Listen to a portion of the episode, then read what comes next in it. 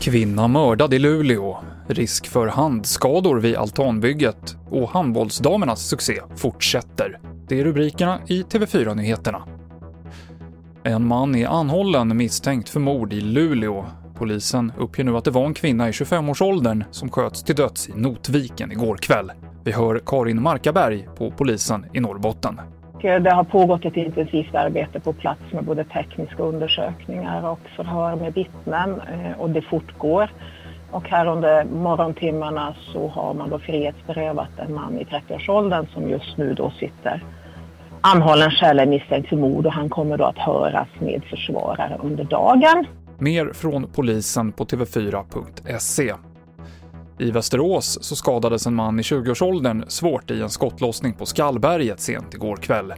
En man har blivit anhållen. Tillståndet för den skadade är stabilt, men fortsatt allvarligt, säger sjukvården till SVT. Det är många som har renoverat hemma under pandemin, till exempel genom att bygga altan nu på sommaren. Försäljningen av byggmaterial har ökat jämfört med förra året, men det är många som skadar sig när man använder verktyg.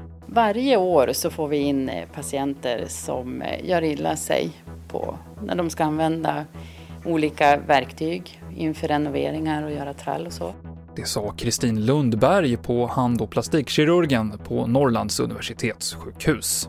Och vi fortsätter med OS. De svenska handbollsdamerna tog en ny seger idag. Man vann mot Brasilien med 34-31.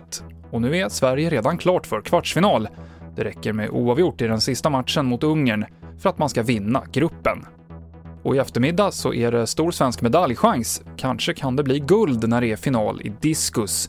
Daniel Ståhl är regerande världsmästare och har kastat längst i världen i år. Dessutom är Simon Pettersson med och tävlar för Sverige. TV4-nyheterna med Mikael Klintevall.